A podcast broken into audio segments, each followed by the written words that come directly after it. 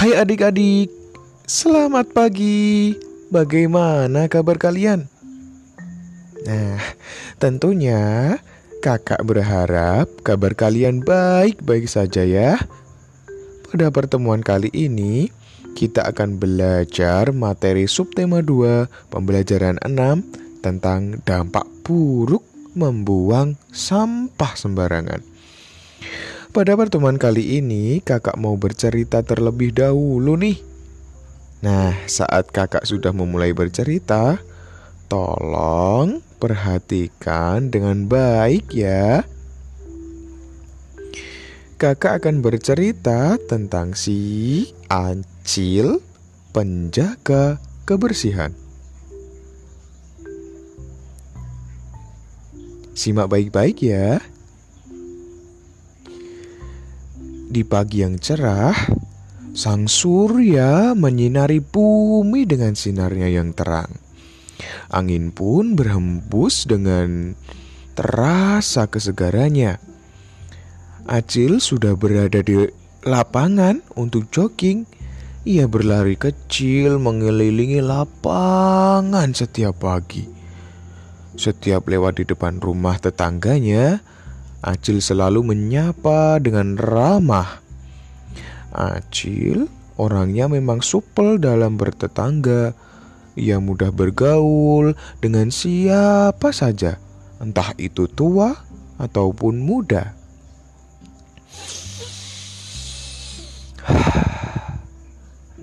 Udara begitu segarnya. Eh, itu Pak Bani di depan rumah. Aku sapa dulu ah. Halo, selamat pagi Pak Bani. Sapa Acil. Oh, selamat pagi juga anak Acil. Jawab Pak Bani. Setelah melewati rumah Pak Bani di pinggir lapangan, Acil kini melewati rumah Bu Asih yang tidak jauh dari rumah Pak Bani. Selamat pagi, Bu Asih. Sapa Acil. Hmm, Nak Acil, selamat pagi.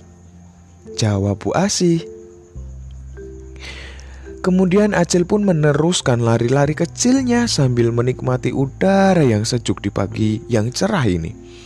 Ketika melewati satu rumah lainnya, Acil mendadak berhenti di depan rumah itu. Acil hanya geleng-geleng kepala karena rumah itu sangat kotor dan kumuh. Ah, itu adalah rumah Koko. Di depan rumah, daun-daun berserakan dan rumput-rumput tumbuh tinggi. Lalu, Koko keluar rumah ingin membuang sampah di selokan depan rumahnya. Hmm, Koko tidak menjaga kebersihan rumah dan lingkungan. Gumam A sambil geleng-geleng kepala. Hei, Koko. Buang sampah tempatnya dong. Jangan diselokan. Ucap Acil. Heh, sudah masa Acil. Tidak apa-apa kok. Nanti juga diangkut tukang sampah dan dipindahkan. Kilko. Makanya jangan dibiasakan kok. Nanti kalau musim hujan bisa banjir loh. Karena sampah ini ucap Acil lagi. Cil, lihat itu. Matahari bersinar begitu terang. Tidak mungkin hujanlah. Kamu lanjut lari saja paginya.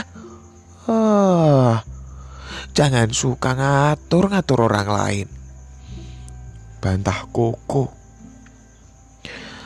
Acil pun kemudian melanjutkan lari paginya. Setelah cukup, Acil pulang ke rumah.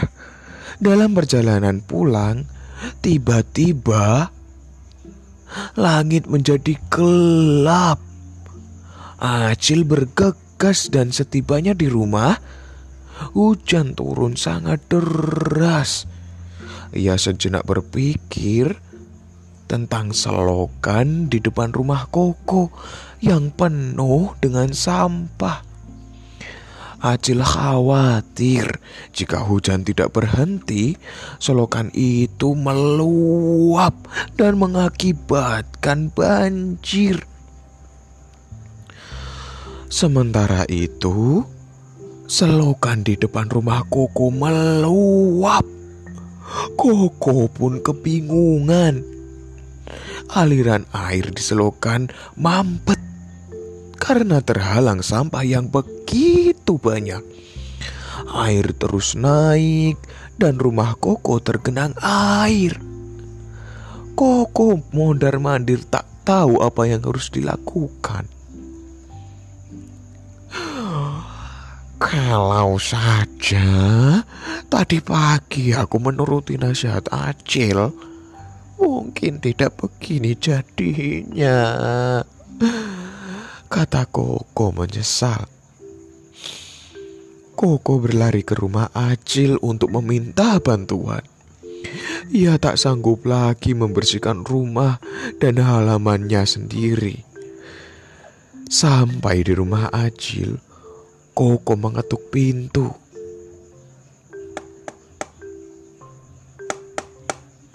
Acil, tolong aku. Cepat buka pintunya, Acil. Eh, ada apa Koko? Kamu kok berantakan sekali? Tanya Acil. Tolong aku, Cil. Rumahku kebanjiran. Bantu aku membersihkan roh semuanya. Jawab Koko. Oh, Baiklah, ayo kita segera ke rumahmu kok. Ajak Acil. Mereka pun berdua bergegas ke rumah Koko. Ketika di tengah perjalanan, Acil memberitahu tetangga lainnya untuk membantu dan bergotong royong untuk membersihkan rumah Koko. Para tetangga pun langsung bergegas ke rumah Koko. Mereka bersama-sama membersihkan rumah Koko dan selokan di depan rumah Koko.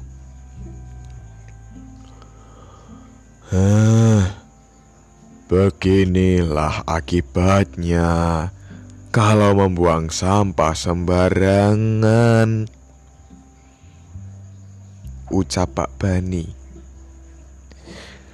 Setelah banjir surut, Sampah-sampah yang berserakan banyak sekali. Acil dan para tetangga bahu-membahu mengumpulkan sampah yang berserakan. Setelah semuanya bersih, sampah tadi dibuang ke tempat sampah.